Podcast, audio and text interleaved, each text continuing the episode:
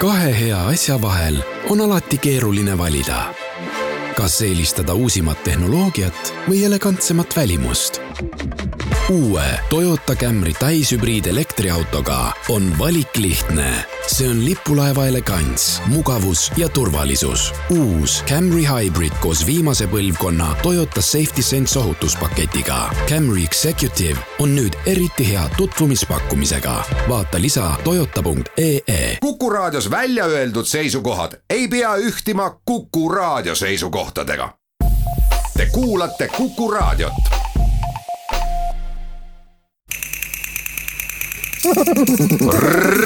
reisirada. tere, Kuku raadio kuulaja, enne kui reisirada asub teele Tartu poole, kõigepealt anname teada Kreeka saate küsimuse võitjate nimed. küsimus kõlas, mis oli see paik, kus James Bond filmis Only for your eyes, mida peetakse Bondi üheks parimaks, rippus sadade meetrite kõrgusel maakohal hingematvas ümbruses ühe kloostri kalju küljes. õige vastus oli Püha Kolmainsuse klooster Meteoras.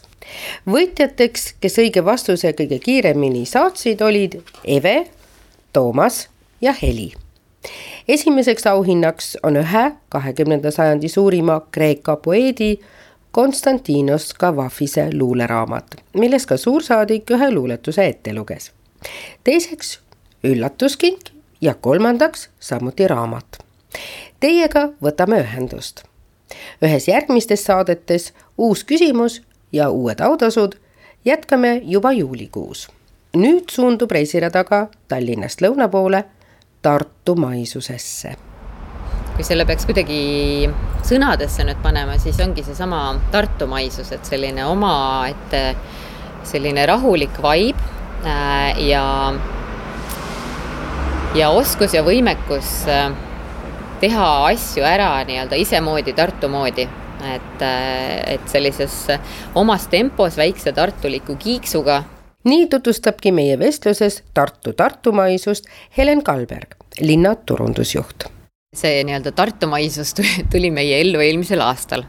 et äh, kui, kui nii-öelda hakkasime kriisist vaikselt väljuma äh, ja ja ütleme, meie selline soov või eesmärk oli siis tutvustada kõike seda, et, et ütleme, tegelikult tartlane ise ka tihtipeale või tart-, tartlane või tartumaalane ei tea ei tea, mis meil siin toimub või mida meil siin pakkuda on, et et kas me räägime võib-olla mõnusatest järverandadest või hoopiski äh, seiklusparkidest või ma ei tea, Elva ähm, keskväljakust või ähm,, või Sibulateest või, või mingitest Tartu linna paikadest, et, et seda tihtipeale nagu ei teata. et noh, võib-olla siin hea põikena või näitena on Tartus on selline tore koht nagu Ulabaar ja, ja noh, ütleme suurem osa minu tutvusringkonnast, et kui see, kui see teemaks tuleb, et siis nende reaktsioon on mida, kus ja, ja see on selline hästi mõnus koht äh, Toomemäel täiesti nurgatagune ja, ja iseloomustab jällegi sellist noh, ma ütleks, et Tartu maisus on seal. mis on Tartule kõige iseloomulikum? ühelt poolt muidugi kultuur, teiselt poolt tark linn nii oma hariduse kui ka ettevõtluse külje pealt.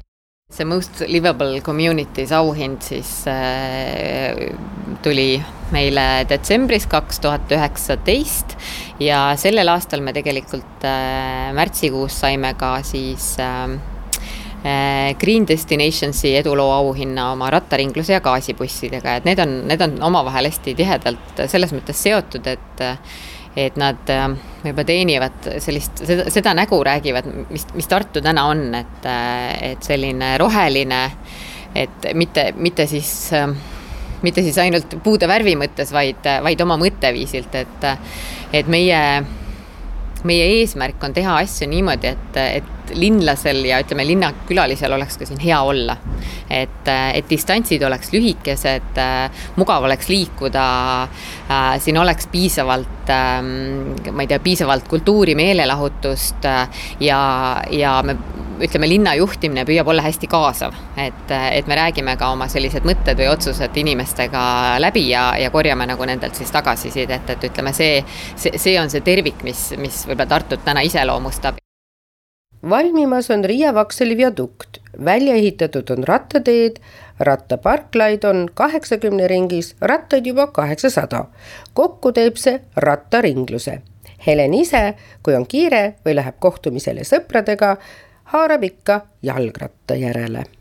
Tartu rattaringlus et see on ka noh, minu jaoks täielik lemmik, et kohe saab kaks aastat äh, sellest, kui Tartu on ratastega kaetud ja nüüd on siis sellel aastal on siis laienetud ka Kõrvekülla ja Luunjasse ja, ja tasapisi nii-öelda järjest ja ka Ilmatsallu, et järjest nii-öelda nendesse linna ümber asuvatesse asulatesse siis ka laieneme, et, et see on uskumatult mugav liiklusvahend, et Tartus tegelikult peaaegu autot ei olegi vaja, et, et kui sul nii-öelda logistiliselt sa kedagi transportima ei pea, et siis noh, ratas on kõik, mida sa vajad.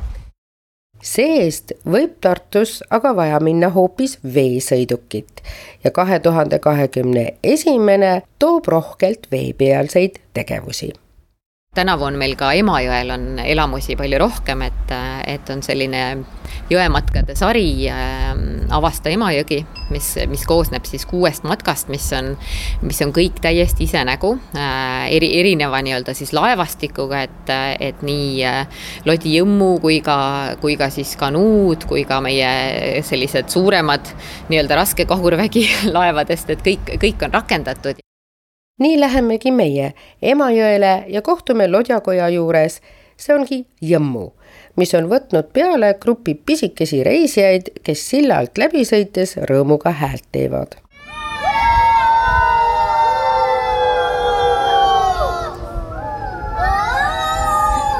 kapten Taavi selgitab väikestele huvilistele, mida me ümbruses ja Emajõel näeme kui me jääksime siin laevaga seisma, paneksime mootori kinni, eks ju, siis, äh, siis te kõik ju näete, et jõevesi voolab, kas näete?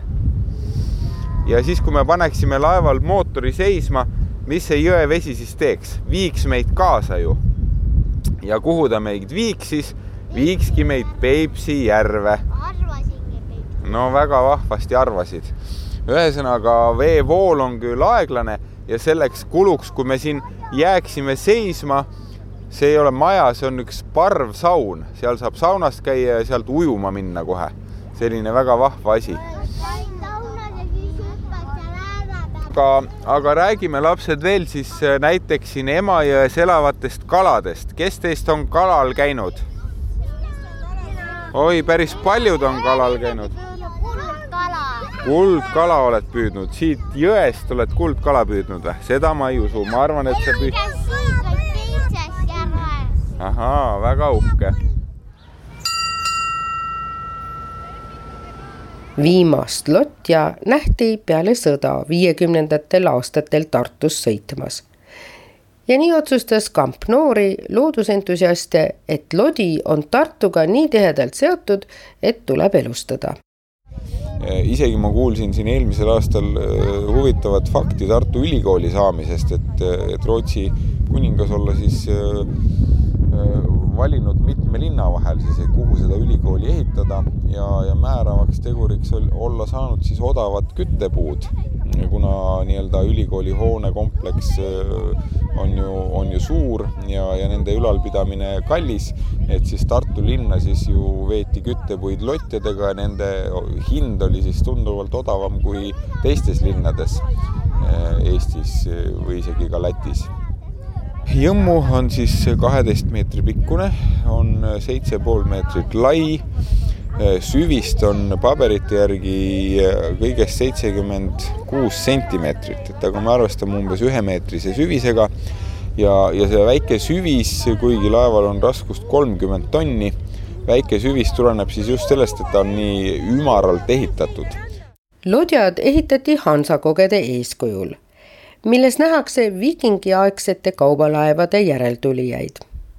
Ja lodjad sobisid imehästi just Peipsi ja Emajõe madalates vetes seilamiseks. maale tagasi jõudes heidame pilguga lodja kotta, astudes sisse lodja ootamise kohvikusse laevaehitushallis on võimalus katsetada vanu töövõtteid vanade tööriistadega ja pisikese lodjamudeligi saab valmis ehitada.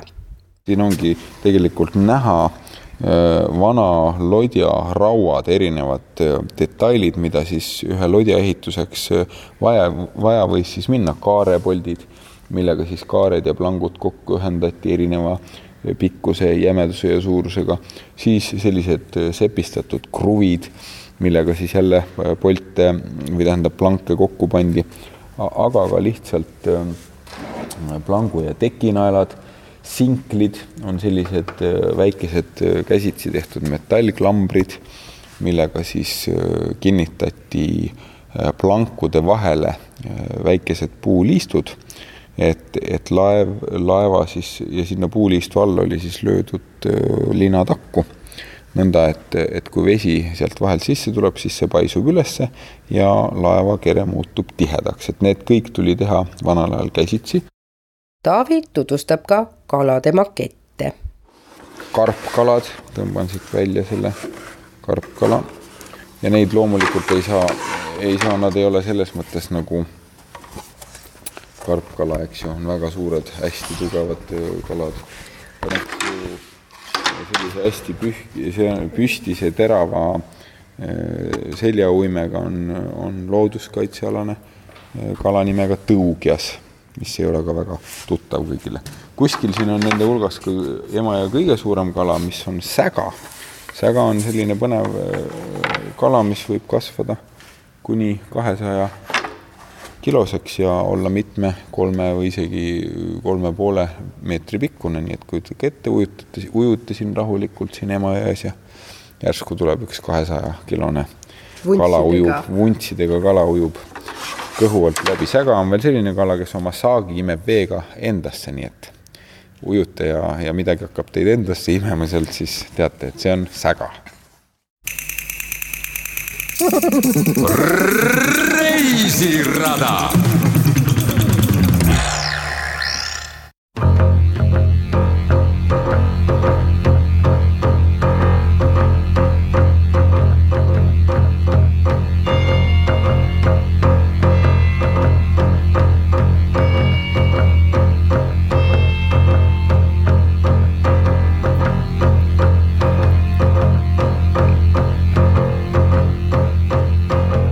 ooperi puhul ongi ühte sama stseeni põhimõtteliselt mängitakse viis korda läbi, et kõik saaks aru, millest noh, et ta nüüd suri ära, eks ju. et aga selle puhul on ikkagi noh, mina seda kogu seda progeroki teemat Johni raames, ta on minu jaoks ikkagi levimuusika väga,, väga-väga hea levimuusika. et võib-olla siis selle ooperi määratluse annabki sinna juurde siis kogu see tervik, mis siis toimuma hakkab, et seal on lau-, noh, lauljad, näitlejad, see on lavastus, seal on bänd, see muusika toimub kõik laivis, seda esitatakse ja nii edasi, et, et see alati selliste nende žanri määra-, määratlustega on selline, tekitab alati kerge mui-, muige näol, et mis asi. et ahah, et rokk-ooper, siis vaatad osatäitjat ja siis vaatad seda bändi ja muusikat, mõtled, mis žanr see üldse sihuke on et võib-olla võiks panna lihtsalt mingi, ma ei tea, ongi eh, proge, proge-rokk muusikal, noh. ei no eks see ongi selline, et ütleme noh, klassikaline ooper, eks ole, võrreldes klassikalise ooperi ajalooga, eks ole, siis on ju äh, rokk-ooperi mõiste on ju suhteliselt noor, eks ole, ikkagi kuuekümnenda aastate lõpust, eks ole, kui me räägime siin The Who'st ja, ja ma ei tea, Pink Floydist ja nii edasi, eks ole mm. -hmm siis tegelikult äh, eks see on selline kindlasti selline noh, selline mm, pisut pompöösne või, või yeah., või natuke naljaga pooleks pandud mõiste ka sest ega mm, noh, mis asi nüüd rokkooper on, eks ole, et mulle tundub, et seal on irooniat. ei see on see on nalja, noh, kuigi kui ma nägin nüüd, nüüd originaalnoot aastast kaheksakümmend, siis sinna peale kirjutatud ähm, äh, punkspektaakel. aa, noh, no just täpselt, siis võib rokkooper olla küll. tegelikult see on, ütleme, et vaata, kindlasti on, eks ole, et see on pigem selline, selline, ütleme, selline kõlav, kõlav äh, atribuut seal Eestis, et, et mida ma ei võtaks nagu sisult väga, väga tõsiselt mm.. küll lugu ennast, eks ole, aga kuidas me seda nimetame, on ta ütleme mm. muusikal, on ta rokkmuusikal, on ta muusikalavastus, eks ole, on ta rokklavastus, nagu ta algselt ka nimetati mm.. on ta rokkooper, ega see pole lõpuks tähtis yeah,. et, et aga jah, et selles mõttes see on kindlasti nagu äh, punkt, millele tasub mõelda yeah., vähemalt naljaga. jah, minu meelest on seal ka mingi tore naljafaktor juures või mingi kerge iroonia maik või midagi sellist, noh, paneme talle nimeks, no nimetame, no rokkooper kõlab ju suurejooneliselt see, millest jutt käib, on selle suve suurüritus Rokkooper Johnny. istume loomemajanduskeskuse kohvikus restoranis Spargel. ümbritsetuna kaheksakümnendate aastate rokkooperi fotodest ja räägime koos Vanemuise näitleja ja rokkooperis osaleja Jaanus Tepomehe ning peaprodutsendi Mihkel Truumaniga, kes ütleb, et ei liialda, kui see on ka selle kümnendi suursündmus. Tollal, kui ooperit esimest korda esitati, oli asi problemaatiline põhiline on see, et kui toona pidi väga palju ju rääkima läbi sümbolite, eks ole, ja, ja ka varjatumate metafooridega ja, ja noh, ka ridade vahelt nagu toona see asi käis. siis praegu me saame ikkagi rääkida, ütleme üksikindiviidi isiklikest vabadustest, valikuvõimalustest, valikuvabadustest versus ütleme ühiskonnapoolsed ootused, perekonnapoolsed ootused, eelistused. et see pingeväli on tänapäeval oluliselt mitmekesisemalt avatav. et toona see jäi kindlasti rohkem selliseks äh, ütleme mm, ühiskonna kriitilisemaks, aga selliseks ütleme toonase poliitilise, poliitilise ideoloogia kriitilisemaks, et. Äh, praeguse mõõde on kindlasti nagu laiem, et me ei ole ju poliitilised tegelikult, vaid äh, me pigem ikkagi püüame avada sellist äh, üldinimlikku ja, ja, ja pigem siis iga, igavikulisi küsimusi, eks ole, see on üks üksikindiviidi õigus teha oma otsuseid, eks ole, ilma et ta kedagi teisele ka kahjustaks, et kust need lähevad need piirid Mm. et ilma, et sind nagu, ilma, et sa ennast ise ja et teised sind, ütleme, ühiskonnast välja arvaksid või kogukonnast välja arvaksid. ja selles mõttes on see mm, lugu on, ajatult aktuaalne. ja lihtsalt nüüd me saame seda teha lihtsalt oluliselt nagu mitmekesisemalt ja, ja sisukamalt ja, ja ma julgen öelda, et ta tänases päevas on kindlasti äh, nagu väga relevantne selle praeguse, ütleme, aja ja, ja nende muutuste ja, ja selliste äh, põhiliste tunnusjoontega, mis meid praegu nagu ütleme iseloomustavad. ja mis, mida ma võib-olla ka siin veel noh, lisaksin või mis mõtteid tekitab, sest et ma ise eh, selle materjali koha pealt, mul on tunne ka, et, et ilmselt noh, tollel ajal paratamatult kogu selline poliitiline situatsioon ja see aeg, kus elati see kaheksakümnendal, see pani ju no eriti loomeinimesi hoopis teistmoodi eh, nii-öelda siis, eh, kuidas ma ütlemegi, noh, see, et, et miks ei saanud vaiki olla, eks ju, et oli vaja mingeid asju öelda, mingeid asju teha, mingeid asju muuta ja selleks leiti oma tee, et ilmselt et jah, see poliitiline taust ja jõud oli see, mis siis nagu tegelikult neid kuidagi edasi viis ja mõtteid tekitas ja loominguliselt ka kuidagi kreatiivselt tööle pani, eks ju. aga praegu ma ise samamoodi, kui ma kuulan neid laule, kuulan neid tekste siis mis on huvitav, et mina projetiseerin ka nad kohe üksikisiku tasandile, ehk siis me hakkame kohe tegelema inimesega, tänase inimesega tänases kaasaegses ühiskonnas. ja mis on huvitav, et ma saan ju aru, millal need tekstid on kirjutatud ja millele tegelikult need tekstid vihjavad, teades seda aega millal see on kirjutatud. aga see ongi huvitav, et nad hakkavad väga ilusti kõlama ka täna ja just ta kenasti saabki üle kanda selle kuidagi üksikisiku tasandile ja selle ja siis üksikisiku tasandi sellise mm, vabaduse eh, küsimusele et me elame justkui väga vabas maailmas, meil on kõik võimalused olemas, no jättes see Covid kõrvale, aga laias plaanis. aga samas me oleme loonud iseendale tegelikult sellise suure vangikongi, milles me, milles me ka eksleme. kas oleme loonud seda teineteisele või siis iseendale, et ja minu meelest, et see on minu jaoks see huvitav paralleel, mis seal kohe tekib.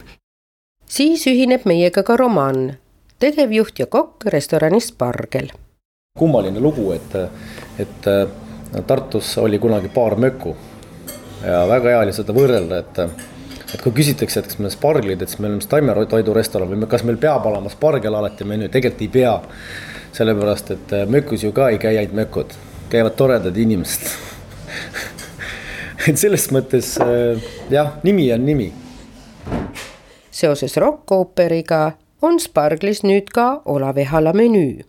tegelikult äh, on lihtsus on see võlusõna. et äh, talle maitsevad tegelikult üsna lihtsad toidud, ehk siis kodused ühelt poolt ja teiselt poolt talle maitseb kala. ja, ja siis me ühildasime tema lihtsuse ja siis meie siis äh, köögivõlukunsti ja siis sündiski kolm käiku, äh, millest on tal siis supp, praad ja magustoit. supiks on tegelikult justkui tundub väga lihtne ja igapäevane paljude lemmik kanaklimbisupp aga ta on meil siis restorani omaselt hoopis teises võtmes. Äh, siiski tegemist on ikkagi restoranitoiduga. Äh, praeks on siis, äh, on lõhepraad. ja seal vot ongi esiti, eriti esindatud siis see spargel, millest me juba rääkisime. ning magustoiduks on selline spargli klassika ja, ja ja ütleme nii, et läbi aegade hitt magustoit on äh, munakreem ehk siis brüleekreem. kolm kokka olid restorani asutajateks, kõige suurema kogemusega Ahto, kes menüüd ka välja mõtleb. bürootöö on jäänud Romanile, kes on kakskümmend viis aastat kokk olnud ja igatseb tagasi kööki meil on hidi, mis läbi aja on küll menüüst välja läinud, aga siis äh, kähku tagasi tulnud, et äh, meil osad asjad on tänu sellele isegi purki korinud, seesama creme brulee äh, pasteed, siis me teeme estragoni majoneesi kaasaostmiseks, et see oli juba tunduvalt enne seda, kui siin see kaasaostmine üldse oli meil see asi ilusti purki pandud ja kõik kestvuskatsed tehtud isegi ja kõik asjad, et kindlasti ta natukene hoogustus rohkem lihtsalt tänu sellele aasta olnud eriolukorrale ja üldse olukorrale aga, aga menüüs noh, brüleekreem ongi see, ma arvan, et number üks, sest ta on magustoit, kõik inimesed lõpetavad magustoiduga ja see on alati kõige eredam hetk, see jääb meelde kõige paremini. ja, ja siis teine on, äh, on niisugune, äh, ütleme niimoodi, et äh, mereani toidud üldse või siuksed karbid, igasugused erinevad, et jah, tõesti neid jahutatud on noh põhimõtteliselt siin Tartus isegi pead võimatu saada. või vähemalt hinna ja kvaliteedi suhtega nagu normaalsega millegi lint suudab endale lubada. aga otsime kõige paremat nendest ka teistest toodetest ja, ja noh, siiamaani on nagu väga hea tagasiside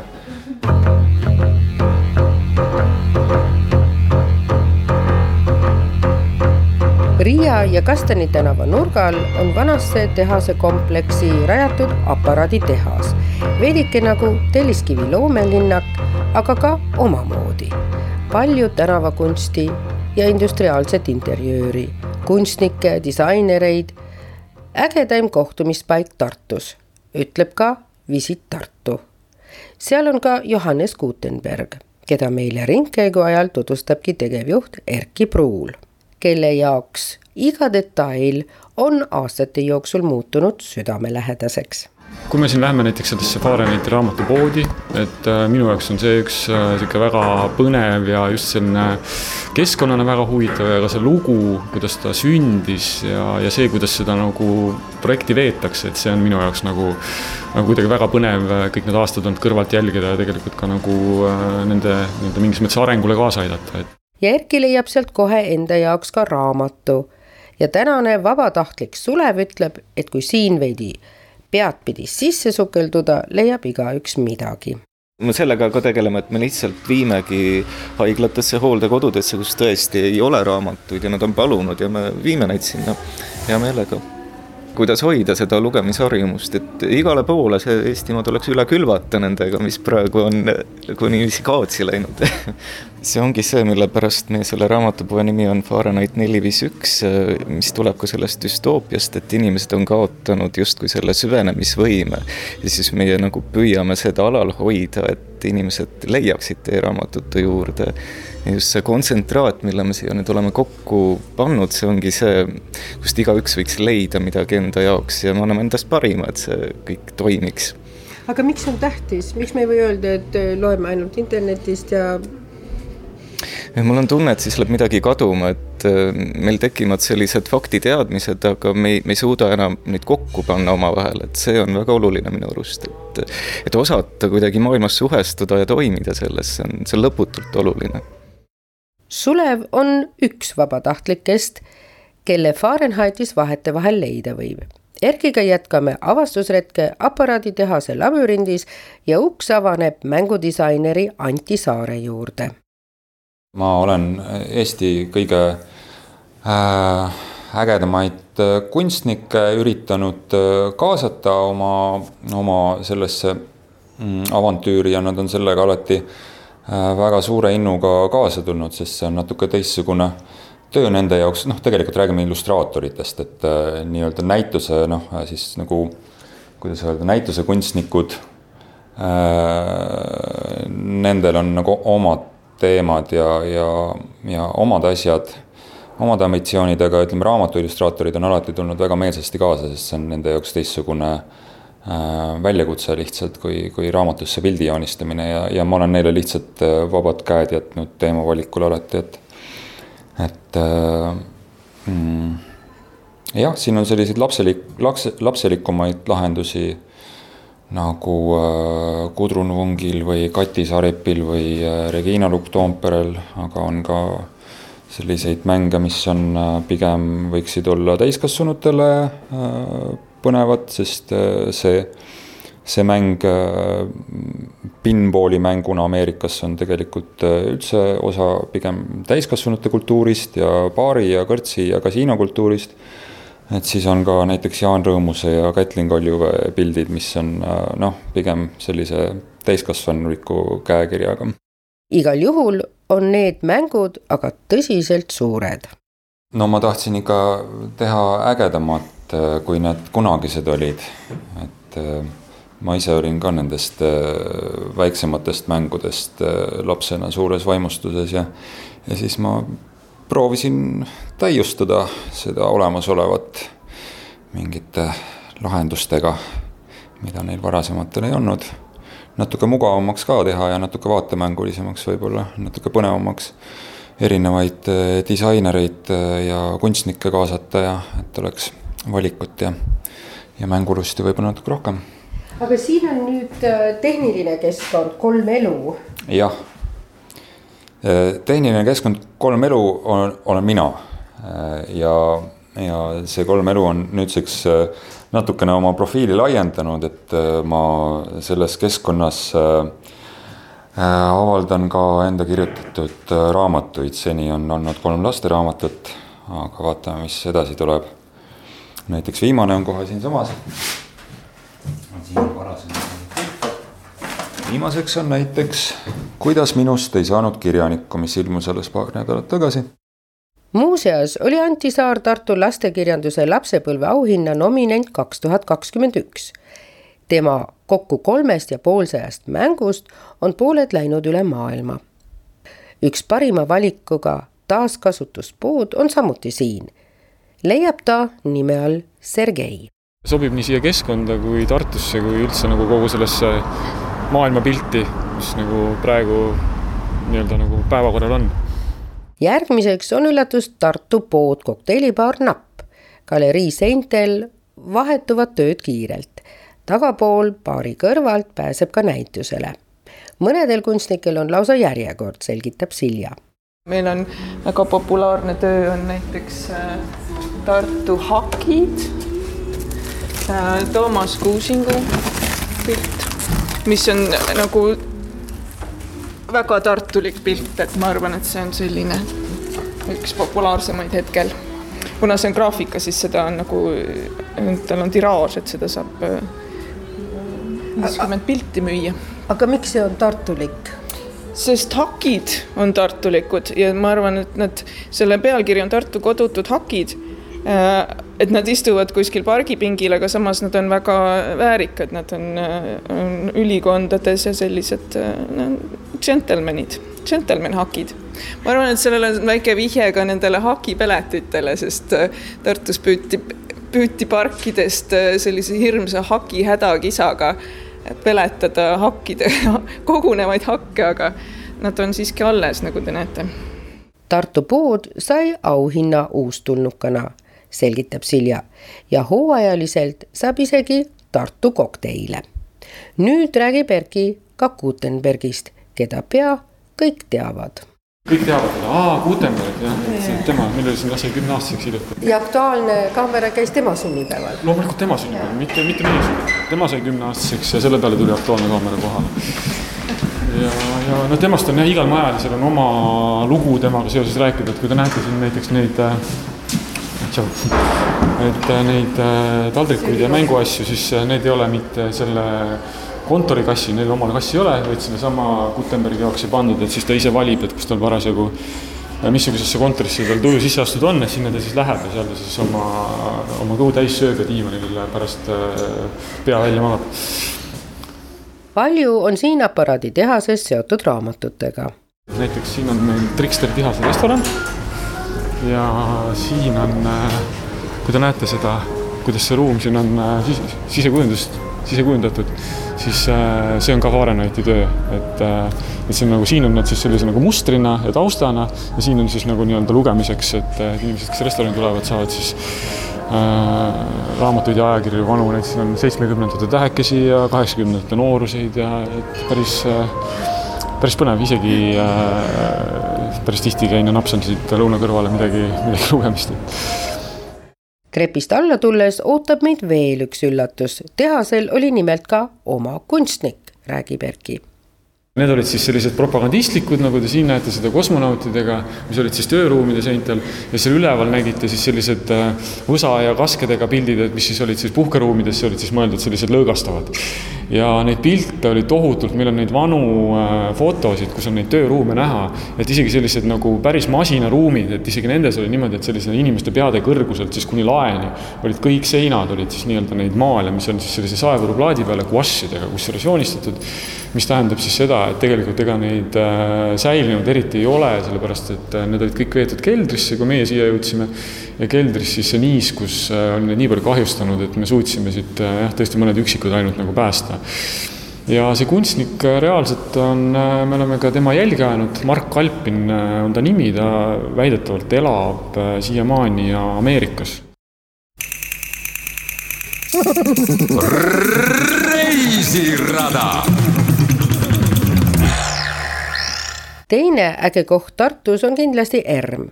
et üldse sissepääsuni jõuda, saab end pikal jalutuskäigul ukseni juba hingeliselt ette valmistada. ees ootab ERM-i kesktelge pidi jalutuskäik, kus liigume tänapäevast ürgaega, kõrvalharud viivad meid erinevate teemadeni. peale selle ootab püsinäitusena ka Soome-Ugri näitus. rahvas, see tähendab inimesi see on praegune uus näitus fotodel koos näituse kuraatori Indrek Jätsiga sammume mööda pikka avarat kõrget koridori. Siin on meil tegelikult veel üks näitus, mis nagu selle no meie tänase põhiteemaga seostub, see on siis Rein Marani üheksakümnendale juubelil pühendatud fotonäitus. no tema käis ju Lennart Meriga koos seal Linnutee tuul ja veelinnurahvast filmimas ja noh, need on siis sealt nendelt ekspeditsioonidelt need fotod koos näitusega on ilmunud ka raamat. raamatus on fotosid rohkem, näitusel on need suuremad, ütleb Indrek. Mõte sai alguse sellest, et meil tekkis koostöö Venemaa etnograafia muuseumiga, mis asub Peterburis ja mis on meie muuseumist veidi vanem. ta, noh, see, ta on ajalooliselt on ta Vene muuseumi etnograafia osakond, mis loodi tuhat üheksasada kaks. meie loodi siis meid tuhat üheksasada üheksa aga no nende muidugi ressurss ja võimalused, no see oli pealinna muuseum, eks ole, keiserlik. Tema ressursid ja võimalused olid palju suuremad ja vastavalt on siis ka tema kogud suuremad ja vanemad. ja noh, see koostöö siis sündis, meil on leping nendega, koostööleping. üks esimene asi, et millest see koostöö siis reaalselt võiks olla Nad pakkusid välja, et neil on päris palju vanu fotosid soome-ugri rahvastest, mis meid huvitavad seoses kaheksanda Soome-Ugri rahvaste kongressiga oli ka näitus kavandatud. Indrek oli see, kes valiku tegi, keda huvitasid kõige vanemad fotod ja see, et oleksid kaetud kõik soome, ugri ja samojeedi rahvad. Indrek valis esmajärjekorras portreed. vaatame ka suure raamatu kaanepilti. ühelt poolt on nad setu rahva esindajad, teiselt poolt on nad lihtrahvas, eks ole, neil on siin paljad jalad näha ja fotograaf oli ju tollal härrasmees, ta tuli, eks ole, Peterburist, suur härra tuli, nad tulid mitmekesi. aga vot see sihuke uhkus ja trots, mis selle neiu pilgus nagu on, see mind võlus. et noh, sihuke eneseteadlikkus ikkagi, hoolimata sellest, et ta on paljajalu. kõige arhailisemad on võib-olla handid ja mansid ja neenetsid, kuna ütleme, nende noh, see identiteet on niivõrd seotud nende selle traditsiooniliste elatusaladega ja selle keskkonnaga, kus nad elavad siis tänu sellele need, kes on jäänud veel truuks nendele elatusaladele, kes elavad maapiirkondades seal jõgede ääres metsades, nemad on ilmselt kõige traditsioonilisemad. Ja neenetsid, eks ole, kes harjutavad põtru. no juba see tegevusala ise, eks ole, kirjutab seal väga palju asju ette, need sõiduvahendid, rõivastus, mis selleks sobib, materjal, mis selleks rõivastuseks kasutatakse, selles mõttes on jah, kalapüük ja kui kaugele on nüüd läinud eestlased oma kunagisest traditsioonist? no päris kaugele vist. aga eks ju see on ka erinev, eks ole, osad eestlased ei tahagi nagu sellest vanast midagi kuulda ja neid see ei huvita teisi huvitab see väga, eks ole. noh, ütleme, on ju päris, pärimusmuusika on ju väga populaarne teatud osa rahvastiku seas. ja õmmeldatakse endale rahvarõivaid, eks ole. Noh, jah, see on nii-öelda tänapäeval on see nagu vaba valik, kuivõrd sa oma juurtest nüüd hoolid või ei hooli, kuivõrd see sind huvitab